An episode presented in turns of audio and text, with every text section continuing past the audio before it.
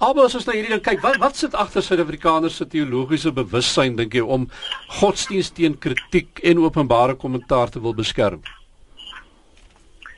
Ehm um, Kobus, vir meeste mense is godsdienst 'n emosionele saak en nie 'n rasionele saak nie. Ehm um, en soos ons weet, kan emosies 'n mens dom maak. Ehm um, aggressief en dit lei natuurlik tot konflik. En daarmee saam het die meeste van ons nooit regtig geleer hoe om eerlik en soekend en oop te gesels en te debatteer oor dinge wat regtig naby aan ons is nie. So ek ek sou sê dis dit. Is dit uh, daai emosies wat jy van praat, is dit wat aanleiding gee na begrippe soos fundamentalisme en en uh, watter rol speel fundamentalisme in Suid-Afrikaners se geloofsbewussyn Abel?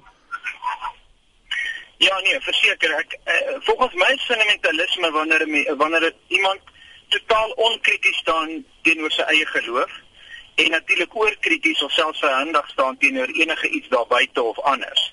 En die emosies maak jou dom. Jy weet dit maak jou aggressief. Dit maak dat jy nie kan redeneer of kan insig toon in enigiets anders as jou eie verstaan van iets nie. Die vreemde verskynsel hier is uh, mense wat uh, wat die wat die moslim geloof want dit is nou die onderwerp uh, na die aanval in Parys die die moslim geloof wil beskerm van uit die Christelike geloof uh, watter oorweging sou uh, by mense geld wanneer hulle dit wat teenoor hulle staan probeer beskerm in 'n poging om hulle eie te beskerm Wel ek dink dit is heel dit is heel menslik nê nee? um, dat ons altyd voel ons ons sien die wêreld vanuit ons storie, vanuit ons hoek en dat ons reg is. Die hartseer is net dat wanneer jy onkrities staan teenoor jou eie verstaan en jou eie godsdienst en goeders dat jy ook ehm um, die ander nie net sien as buite jou verstaan nie, jy ontmenslik hulle. Hulle word 'n iets, 'n voorwerp, iets wat jy kan doodmaak um, om te bewys dat jou God reg is of dat jy jou verstaan reg is. So dis dis die hartseer van hierdie hele ding en ek verstaan dat mense uh veral Christene dan probeer verduidelik, jy weet want hulle kyk uit hulle hoek na hoekom sou iemand sterk voel oor sy geloof, maar die essensie van die saak is is dat ons hoor eintlik nie regtig mekaar nie. Aber fundamentalisme is 'n term wat baie maklik en koestig aangewend word wanneer mense oor godsdienst gesels. Uh wat is fundamentalisme en watter rol speel dit in die teologie en veral kom ons maak dit maar plaaslik, die Suid-Afrikaanse teologie in die algemeen? Weet jy, ehm um, fundamentalisme maak teologie dom. Dit maak dit wreed. Ehm uh, dit maak op die ou end dit wat jy glo nie iets wat gaan oor liefde en vrede en die opbou en uitreik na na ander nie. Dit maak dit 'n instrumente 'n instrument van selfbehouding.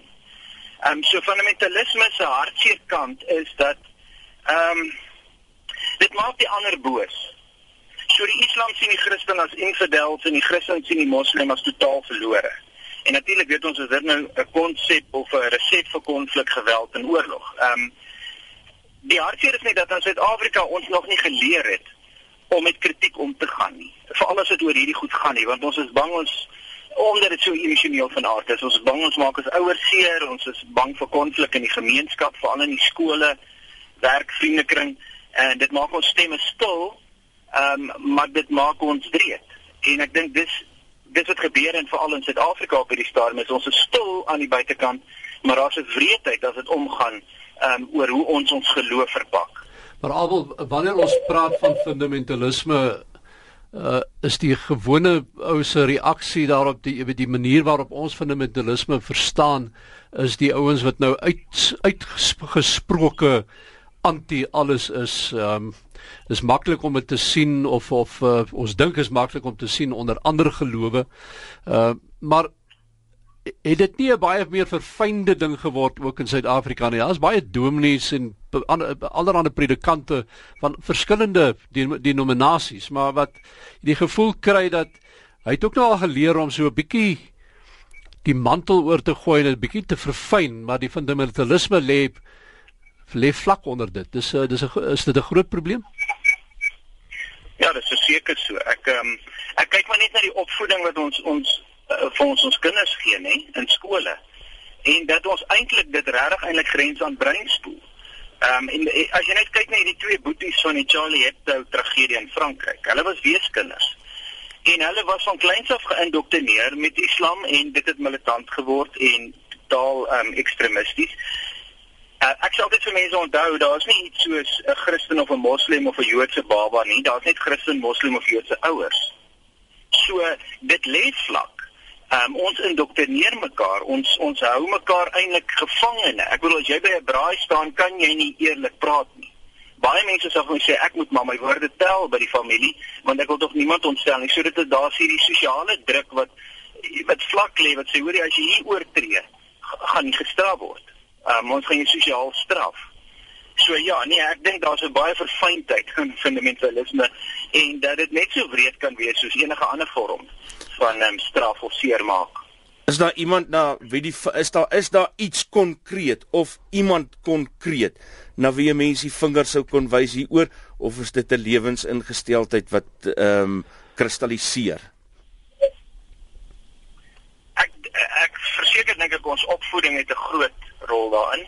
Ehm um, en ons moet kyk na die skool en die kerk en al die goeie dinge. Ek is bly daar's klomp goed wat nou in ons samelewing besig is om te roer hier rondom.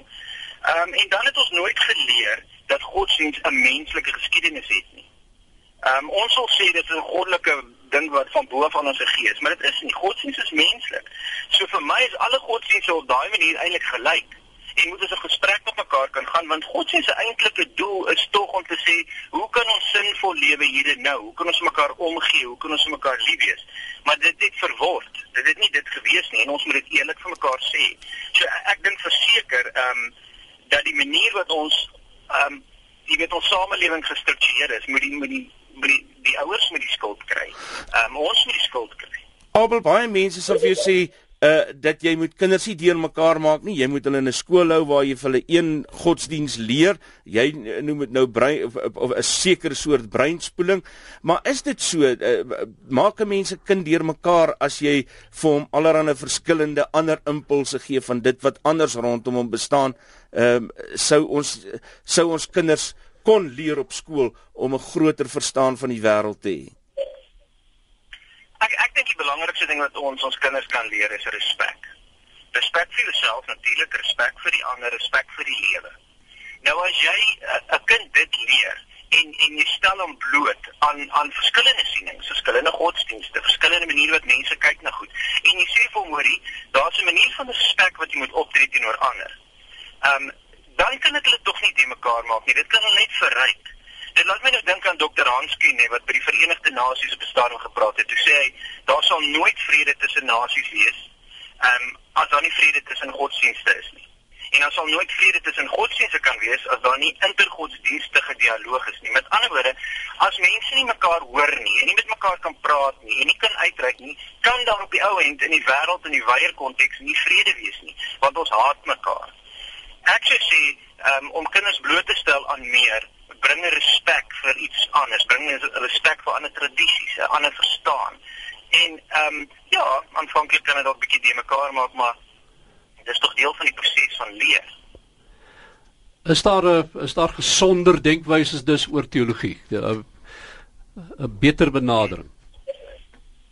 Ek ek dink verseker so. Ek dink eerste plek sal ons moet eerlik wees met mekaar en begin sê hoorie, daar is nie iets soos 'n godsdienst ehm um, wat superieur is wat bo ander is. Ons is dit is 'n kultuurgebonde ding, dis hoe mense kyk en dink oor goed. So kom ons begin praat en kom ons begin leer by mekaar. En dat God sê op die ou en net 'n vingerwysing is, nê? Nee, na spiritualiteit. En spiritualiteit beteken hoe maak ek sin uit die lewe hier en nou? Dat ons wegbeweeg van die dogma of die ek is reg en God praat met my en hierdie grond is my grond en of God sê ek moet jou doodmaak So daar is 'n baie gesonder manier om te leef en dit is die teologie van respek. Um om te sê hoor jy ons is almal maar in dieselfde bootjie op hierdie planeet. Ons moet saamwerk, ons moet saam dink. Um en natuurlik beteken respek nie vir my dat jy moet met alles saamstem nie. Ons moet verskil. Jy hoef nie jou geloof op te gee nie. Jy hoef nie te sê okay, nou is ons almal nee, dit beteken net kom ons kyk en daar waar mense destruktief afbreekend of gevaarlike dinge begin sê of glo, moet ons verskil, maar met respek. 'n ander styl. Jy weet, ehm um, erken nie mens. Maar almal hier is so 'n situasie. Hmm. Uh, as as ek na jou luister nou dan is die beelde wat by my opdoem is die manier waar hoe ons politiek voer in hierdie land en hoe ons ons sportspanne ondersteun in hierdie land uh, en so dis 'n refleksie daarvan ook lyk dit vir my dis 'n uh ja, dis hierdie is my geloof en ek sal hom aanhang en uh jy weet en en ek kom wat wil en en dit as jy nie deel is daarvan nie dan is jy nie deel van my groep nie en jy moet uit uh uh, word dit nie ook maar 'n groot mate gereflekteer in die manier hoe ons politiek voer, hoe ons sport voer en alles in hierdie land nie? Nee nee, ja, ek ek dink jy slaan ehm um, spyker op sy kop daar. Dis juist wat um, ek nie verstaan nie. Dis om te sê hoorie dit jou domein wat jy sê myne is, dit dit kan tog nie. Waar kom daai myne vandaan? Want jy sien die probleem is meeste mense ken nie is die geskiedenis van hulle godsdiens, waar dit vandaan kom nie. Ehm um, die Christendom is nie uniek nie. Jesus was nie 'n Christen nie, hy was 'n Jood. Hy kom uit die Joodse tradisie. Hy was 'n rabbi gewees. Boeddha was nie 'n Boeddhis nie, hy was 'n Hindu. So alles kom maar uit 'n gemeenskaplike grond. Ehm um, Godsdienst is maar 'n boom wat staan op een grond. Ehm um, en as jy mens dit kan begin verstaan, dan kom ons agter wat die Boeddhiste praat van interbeing. Ons is in 'n netwerk met mekaar ingeskakel. So daar is nie in die natuur werk dit nie so dat ek is op my eie plekkie en ek staan vir dit en die res deel daarmee nie. Dit werk nie so nie. Ons is ehm um, afhanklik van mekaar. Ehm um, ons ons speel in op mekaar. My opinie het 'n het 'n effek op jou wêreld. Jou gedrag het 'n effek op my wêreld. En dis wat ons moet verstaan. Jy hoef nie ehm um, te konformeer nie, maar jy jy moet begin buigsaam wees, jy moet begin luister, jy moet staan vir liefde eerder as vrees. Ehm um, so so my klem lê heeltemal anders as as dit het die scenario wat jy nou net gestel het. Is daar maniere om om mense na 'n uh, eh, ek wil nou nie gesê gesonder nie, kom ons sê ander teologiese denke uh te lei, te begelei? Ja. Ek dink weer eens die woord respek om mense te laat verstaan wat beteken dit as jy sê ek het respek vir lewe. Ehm um, ek het respek vir myself en my rol hierso en ek respek vir ander. En ehm um, baie keer in my gemeenskap waar ek beweeg by Renaissance sê ek ehm um, baie keer vir hulle julle sou moet onthou, jy moet respek toon teenoor ander se sienings, jy gaan dit nie noodwendig terugkry nie. En dis dis een van die hartseer dinge en dit is 'n baie ongesonde ding. Dis 'n kanker binne binne enige godsdienst. Ehm um, om mense te help om oop te maak, om te begin luister en om te leer. So ek sou sê die antwoord lê in respek dat ons dit begin ontgin en begin vra hoe kan ons dit prakties doen? Hoe kan ons ons kinders dit leer?